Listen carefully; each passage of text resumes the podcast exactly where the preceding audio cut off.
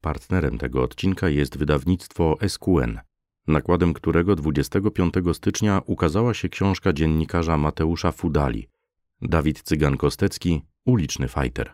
Biografia boksera określanego nadzieją polskiego pięściarstwa, który jeszcze przed rozpoczęciem kariery sportowej popadł w konflikt z prawem. To właśnie wydarzeń z życia Cygana będzie dotyczyło dzisiejsze wydanie kryminalnych opowieści Polska na kanale YouTube Podejrzani. Wspomniane problemy z prawem towarzyszyły mu potem niemal cały czas.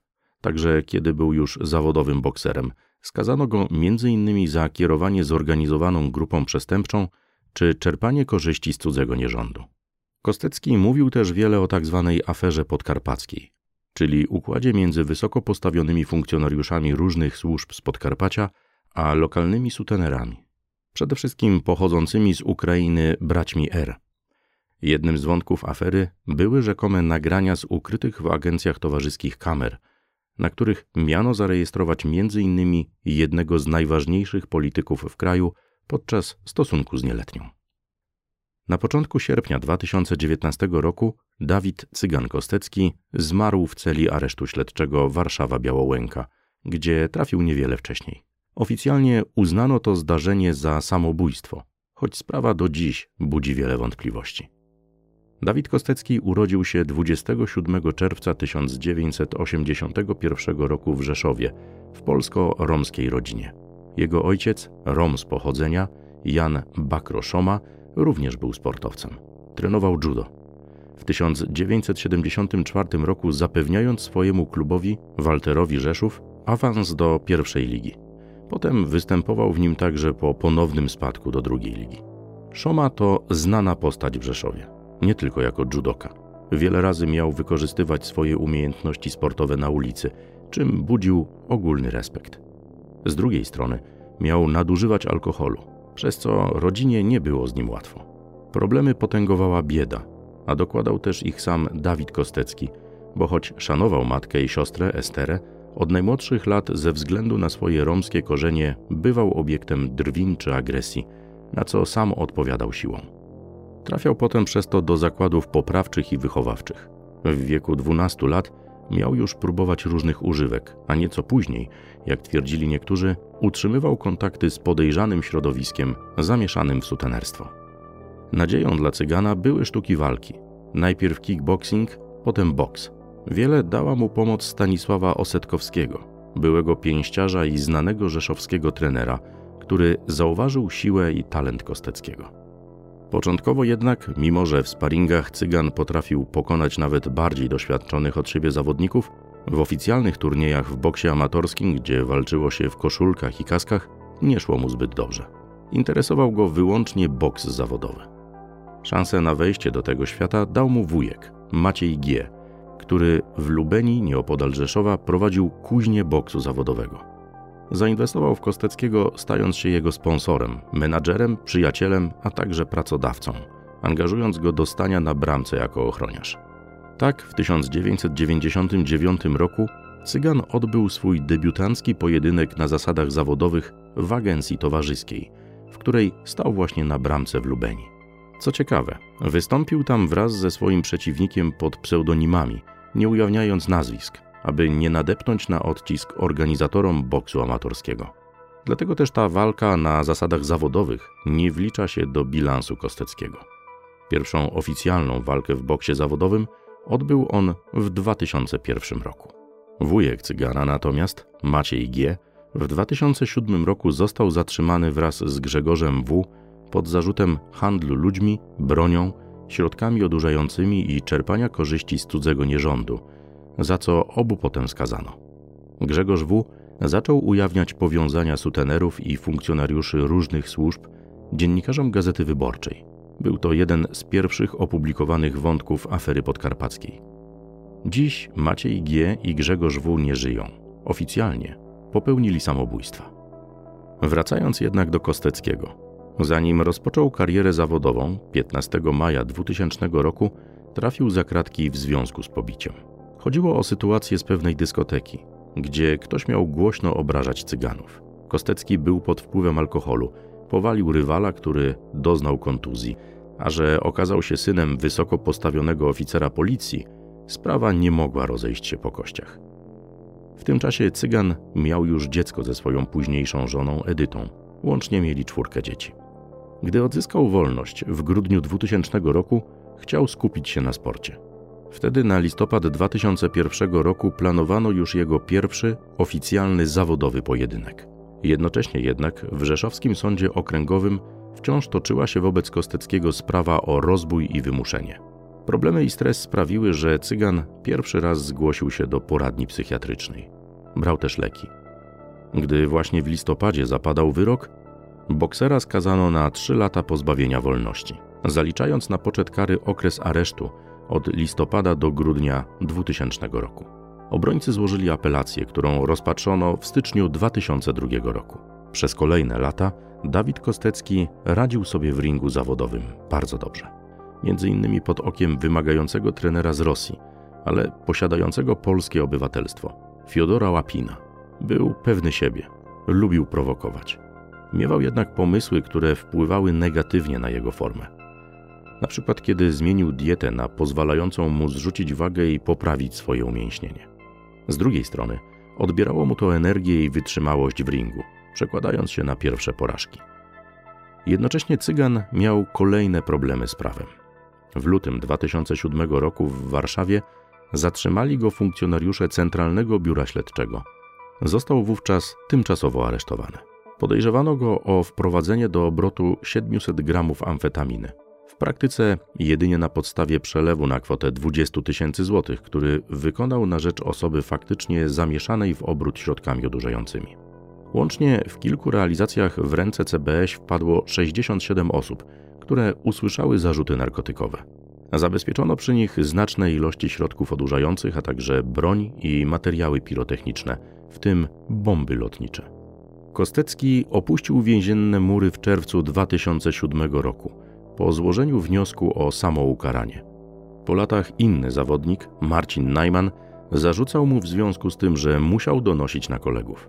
Płacie 60 tysięcy złotych i poręczeniu społecznym, uzyskanym m.in. od prezydenta Rzeszowa Tadeusza Ferenca i od byłego legendarnego boksera Jerzego Kuleja, który zresztą wiele razy chwalił potem zachowanie cygana w ringu.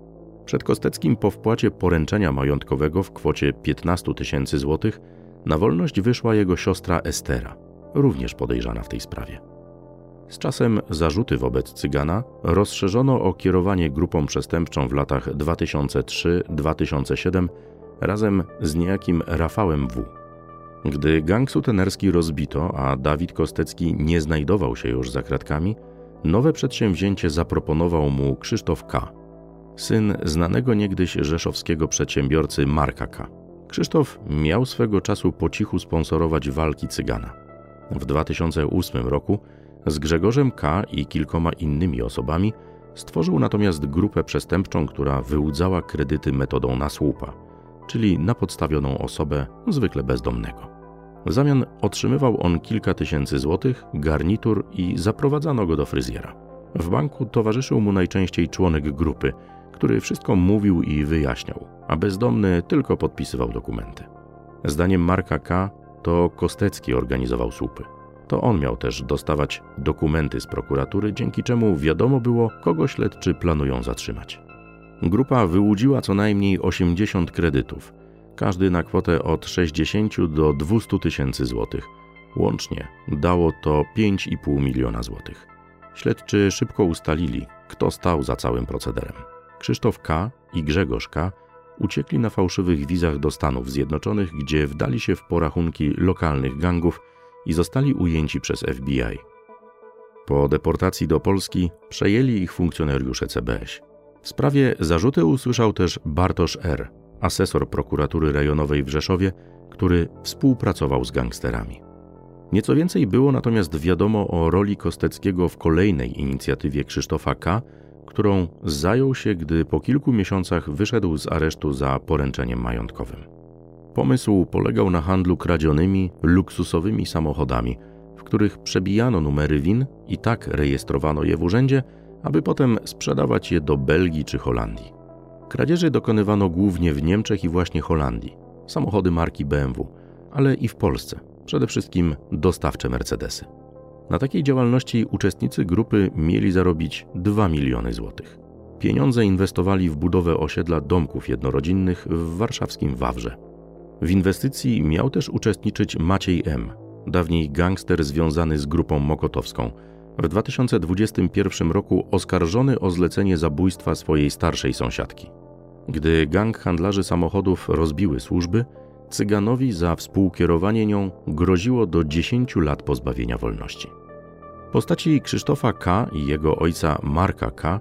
są o tyle istotne, że ten ostatni sam siebie przedstawia jako jedynego żyjącego jeszcze świadka afery podkarpackiej. Miał on sporą wiedzę o Danielu Eś, funkcjonariuszu rzeszowskiego CBS, który rzekomo miał podjąć próbę zwerbowania córki Marka K. do agencji towarzyskiej pochodzących z Ukrainy braci Aleksieja i Jewginija R., o których szerzej powiemy w dalszej części materiału. Daniel Eś i kilku innych mężczyzn miało zabierać młode dziewczyny do lokali rozrywkowych, a tam stawiać im drinki. Nie kryli się z tym, że byli z policji, wręczali nawet swoje wizytówki. Marek K. zawiadomił o tej sytuacji m.in. Agencję Bezpieczeństwa Wewnętrznego, ale uznano, że jego córka podczas spotkań z Danielem Eś była pełnoletnia.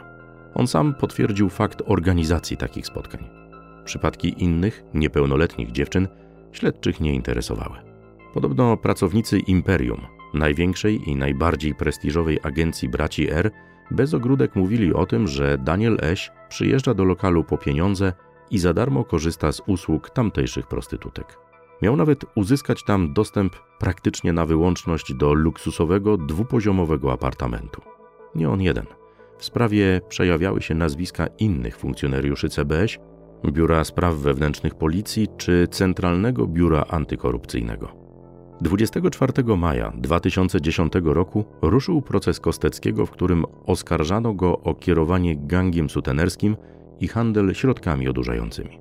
Groziło mu łącznie do 15 lat pozbawienia wolności. Na ławie oskarżonych zasiadła też jego siostra Estera, która miała kierować pracą prostytutek, i matka, która niekiedy miała ją zastępować. W sierpniu Cygan i jego siostra ponownie złożyli wnioski o dobrowolne poddanie się karze.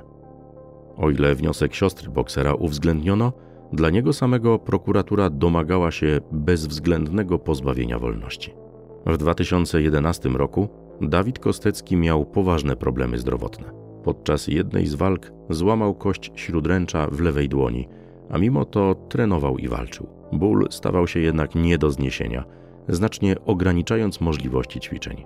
Do tego doszły problemy z barkiem, co wymagało przeprowadzenia operacji.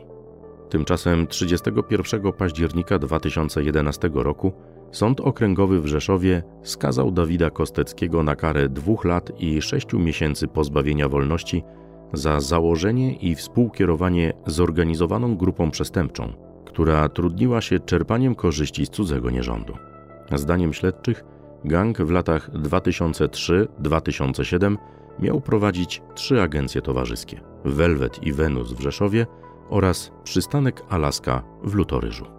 Cyganowi zarzucano też przywoływane już wprowadzanie do obrotu 700 gramów amfetaminy i 100 tabletek zawierających amfetaminę o czarnorynkowej wartości 16 tysięcy złotych. Jednak ostatecznie w tym zakresie go uniewinniono.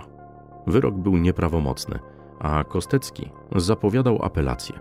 Uważał się za niewinnego. 20 maja 2012 roku Sąd apelacyjny w Rzeszowie utrzymał jednak wyrok sądu pierwszej instancji w mocy. Matka cygana została uniewinniona, a siostra Estera skazana na dwa lata pozbawienia wolności w zawieszeniu na pięć lat, jak ustaliła wcześniej z prokuraturą. Przewodniczący składu orzekającego Stanisław Sielski w uzasadnieniu podkreślił, że nie ma wątpliwości co do tego, że Kostecki miał dużo do powiedzenia przy czerpaniu korzyści z cudzego nierządu, a wręcz miał głos decydujący.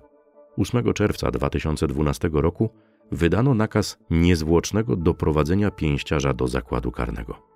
W nocy z 19 na 20 czerwca 2012 roku w Warszawie pod siedzibą telewizji Polsat, gdzie miał nagrywać program promujący swój najbliższy pojedynek, Cygan został zatrzymany przez kilkunastu funkcjonariuszy, a potem doprowadzony do zakładu karnego celem odbycia kary pozbawienia wolności. Co ważne, do jego ujęcia doszło na 10 dni przed planowaną walką z Amerykaninem Royem Jonesem Jr., która miała być jedną z najważniejszych w karierze Kosteckiego. Zatrzymanie to wywołało różne reakcje. Jedni, jak były minister sprawiedliwości Zbigniew Ćwiąkalski, uważali, że interes prywatny nie może przewyższać społecznego i kariera sportowa czy zbliżająca się walka nie stanowi powodu do odsuwania w czasie odbywania kary pozbawienia wolności.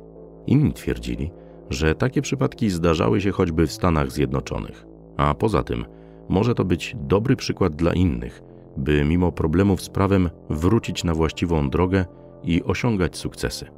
Promotor Cygana, Andrzej Wasilewski, nie ukrywał swojego rozgoryczenia rozwojem wypadków i jako prawnik z wykształcenia podkreślał, że w normalnych warunkach do skazanego wysyła się do ostatniego miejsca zamieszkania wezwanie do stawienia się w zakładzie karnym, a dopiero przy braku reakcji dokonuje jego zatrzymania.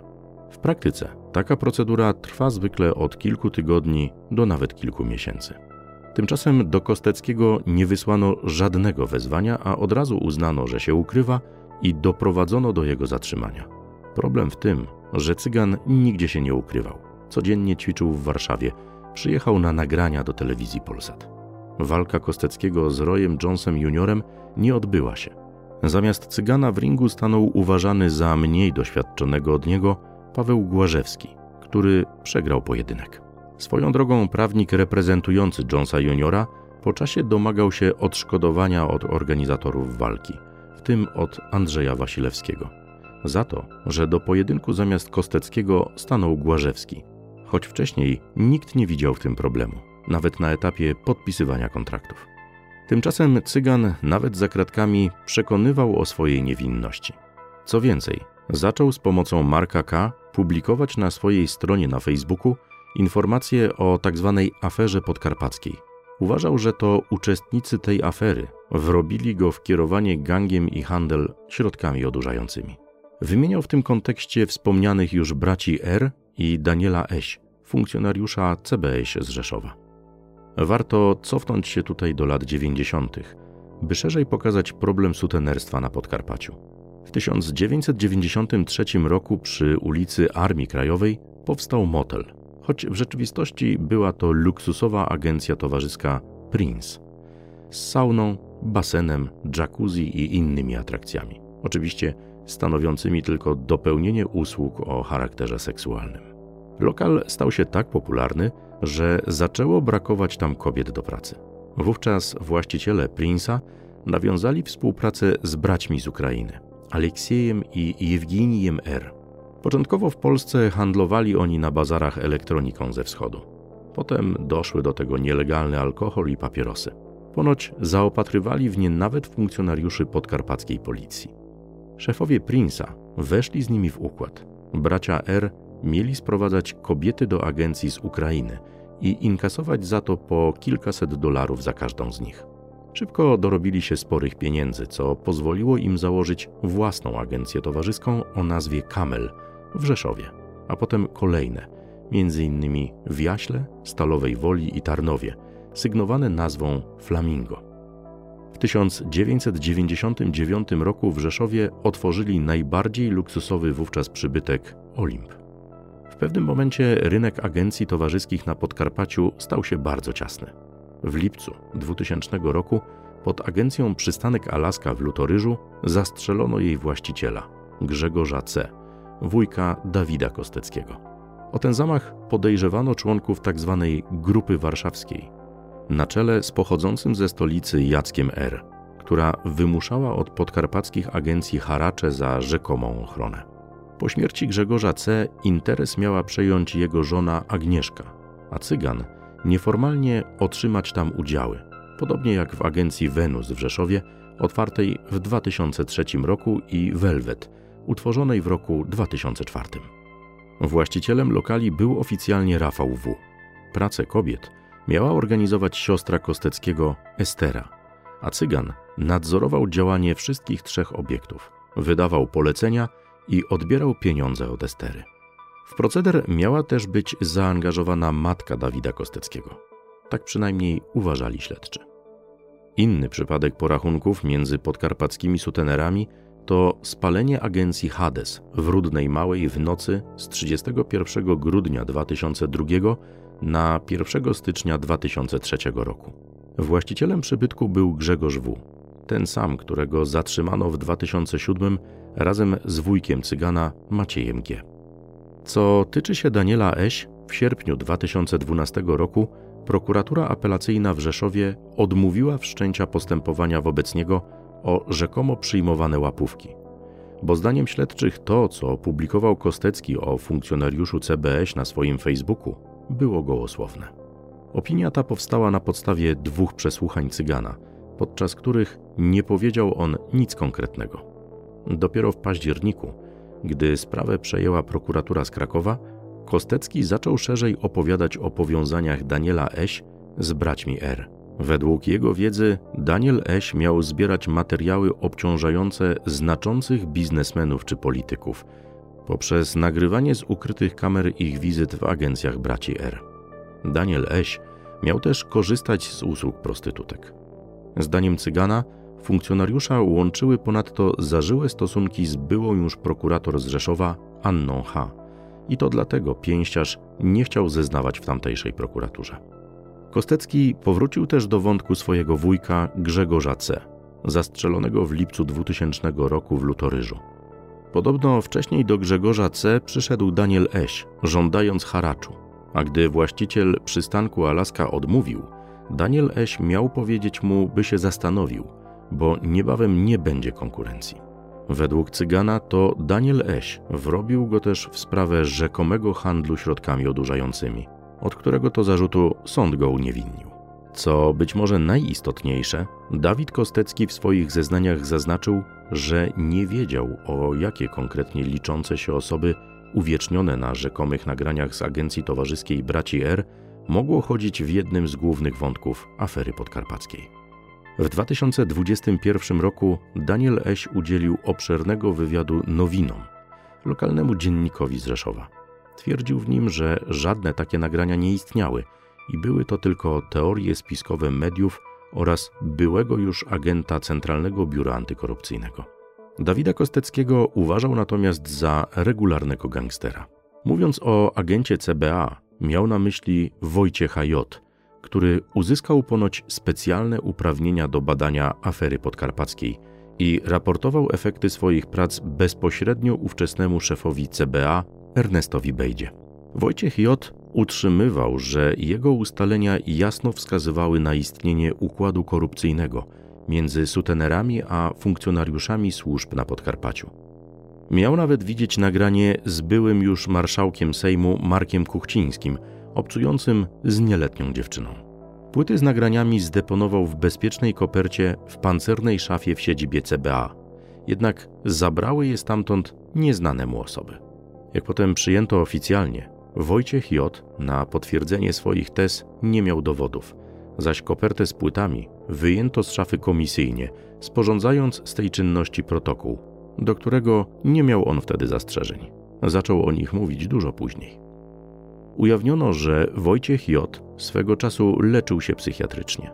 Ostatecznie został on w lipcu 2021 roku zatrzymany przez ABW, a we wrześniu oskarżony o szereg przestępstw, w tym składanie fałszywych zeznań, kiedy złożył zawiadomienie o przekroczeniu uprawnień i niedopełnieniu obowiązków przez Ernesta Bejdę, ujawnienie tajemnic służbowych i pomówienie byłego marszałka Sejmu Marka Kuchcińskiego. Nie przyznał się do winy. Wracając do Dawida Cygana Kosteckiego. 13 sierpnia 2014 roku wyszedł na wolność z zakładu karnego ale niespełna dwa lata później, w czerwcu 2016 roku, tym razem w Lublinie, znów wpadł w ręce funkcjonariuszy Centralnego Biura Śledczego Policji. Usłyszał zarzuty kierowania zorganizowaną grupą przestępczą, która miała trudnić się wyłudzaniem podatku VAT, praniem brudnych pieniędzy i legalizacją samochodów pochodzących z kradzieży. Kwoty wyłudzeń były dość duże. Mowa o 11 milionach złotych. Kostecki został tymczasowo aresztowany groziło mu do 10 lat pozbawienia wolności. W międzyczasie Cygan w listopadzie 2014 roku przegrał walkę z Andrzejem Sołdrą na Polsat Boxing Night, a w maju 2015 został zawieszony na dwa lata przez Komisję Dyscyplinarno-Odwoławczą Polskiego Wydziału Boksu Zawodowego za stosowanie dopingu, czemu sam Kostecki zaprzeczał. W związku z tą karą zamierzał spróbować swoich sił w mieszanych sztukach walki MMA. Pierwszy pojedynek zaplanowano na 28 listopada 2015 roku w Sosnowcu, podczas gali Fight of Heroes 3. Kilka dni wcześniej Kostecki trafił w stanie ciężkim do szpitala w Rzeszowie, w którym przebywał do grudnia. Media rozpisywały się wówczas o możliwej przyczynie tej sytuacji. Od próby samobójczej, poprzez popicie leków alkoholem, po brutalne pobicie przez gangsterów, którym miał być winien pieniądze. 20 czerwca 2017 roku Dawid Kostecki dobrowolnie poddał się karze w procesie o kierowanie gangiem wyłudzającym podatki i piorącym brudne pieniądze. Sąd okręgowy w Tarnobrzegu skazał go nieprawomocnie na 5 lat pozbawienia wolności, zaliczając do tego okresu czas tymczasowego aresztowania. Miał wyjść z zawięziennych murów w 2021 roku. 18 czerwca 2019 roku Dawida Kosteckiego przewieziono z zakładu karnego w Rzeszowie do aresztu śledczego Warszawa Białołęka. Pomimo zadeklarowania przynależności do subkultury grypsujących, oceniono go tam jako spokojnego i nie mającego obniżonego nastroju. Miał dobrze dogadywać się z innymi osadzonymi, korzystać ze spacerów, trenować siatkówkę. Zaczął jednak miewać problemy z bezsennością i przygnębieniem. Przyznał się, że przeszedł kiedyś depresję. Potem przeniesiono go na oddział transportowy. Dzwoniąc wówczas do żony Edyty, mówił, że coś wybuchnie. Wydawało się, że czegoś się obawiał. Ostatni raz rozmawiali 31 lipca 2019 roku. Kostecki miał zadzwonić do żony kolejnego dnia, ale tego nie zrobił. Czasem mu się to zdarzało i tłumaczył potem, że po prostu nie miał na to ochoty. Na przełomie lipca i sierpnia Cygan dzielił monitorowaną celę z Mariuszem G. i Zbigniewem S. Nie skarżył się na nich. 1 sierpnia 2019 roku planował nawet z nimi zakupy w więziennej kantynie. 2 sierpnia nad ranem miał się jednak powiesić, leżąc w łóżku pod kocem. Przeprowadzono sekcję zwłok, po której pogrzeb zaplanowano na 10 sierpnia. Rodzina Kosteckiego i jej pełnomocnicy zwracali uwagę na to, że mogło dojść do zabójstwa, o czym miały świadczyć ślady ujawnione na ciele boksera. Chodziło m.in. o zasinienia, które mogły powstać na skutek działania paralizatora, czy ślady sugerujące wstrzyknięcie jakiejś substancji. Inna kwestia to techniczna możliwość powieszenia się w łóżku w pozycji leżącej czy półsiedzącej, która budziła wiele wątpliwości. Pełnomocnicy rodziny domagali się drugiej sekcji zwłok. Prokuratura Okręgowa w Warszawie nie podzielała tych wątpliwości i odmówiła kolejnej autopsji. Ostatecznie Dawid Kostecki 24 sierpnia 2019 roku spoczął na cmentarzu Pobitno w Rzeszowie. W 2020 roku ukazał się film fabularny Patryka Wegi zatytułowany Pętla, który miał opowiadać o aferze podkarpackiej i Dawidzie Cyganie Kosteckim. W jego postać wcielił się aktor Piotr Stramowski. Film, w stylu charakterystycznym dla Wegi, był przepełniony wulgaryzmami. Wiele osób zwracało uwagę na to, że nie do końca zadbano o szczegóły, choćby w scenie, kiedy to cygan miał umrzeć. Nie zgadzało się ustawienie łóżek i prycza, którą w celi zajmował Kostecki, co w rzeczywistości odegrało istotną rolę w przebiegu całego zdarzenia. Promując film Pętla, Patryk Wega publikował rzekome materiały dokumentalne na temat afery podkarpackiej. Pojawili się w nich siostra Kosteckiego Estera, Daniel Eś, wymieniony z nazwiska, ale z rozmytą twarzą i zmodulowanym głosem, oraz bracia R. Reżyser utrzymywał nawet, że posiada oryginalne nagrania znaczącego polityka, bawiącego się w agencji towarzyskiej braci R. Zapowiadał publikację tych, jakby nie patrzeć, istotnych dowodów w całej sprawie. Po premierze filmu, na której pojawił się sam Daniel Eś, Estera Kostecka wyrażała niezadowolenie z powodu tego, jak Wega pokazał jej brata. Co więcej, Nieoficjalnie wyszło na jaw, że rzekome nagrania z agencji towarzyskiej były zainscenizowaną sceną, a bracia R mieli otrzymać dużą sumę pieniędzy za to, by przed kamerą powiedzieć dokładnie to, czego oczekiwał reżyser. Daniel Eś, już nie jako policjant, ale prywatny detektyw, choć sam nie potwierdzał, że pracuje w tej branży, był natomiast jednym z głównych informatorów Patryka Wegi. Słowem, nie były to żadne dowody, a jedynie dość kontrowersyjny marketing. Swoją drogą, film w serwisie filmweb.pl ma niskie noty 3,4 na 10 w oparciu o blisko 27 tysięcy głosów. To wszystko na dziś. Zapraszamy do zasubskrybowania kanału Podejrzani, a także naszego nowego kanału Kryminalne Opowieści Świat oraz do kliknięcia ikony dzwonka, aby nie przegapić nowych materiałów. Tej historii można także posłuchać w formie podcastu Kryminalne Opowieści na platformach Spotify, Apple Podcast oraz MP Go. Zachęcamy do skorzystania z opcji wspierania kanału YouTube Podejrzani, dzięki czemu można zyskać wiele nagród, takich jak wcześniejszy dostęp do nowych materiałów czy specjalnej serii reportaży wyłącznie dla wspierających. Do zobaczenia wkrótce. Czytał Maciej Marcinkowski.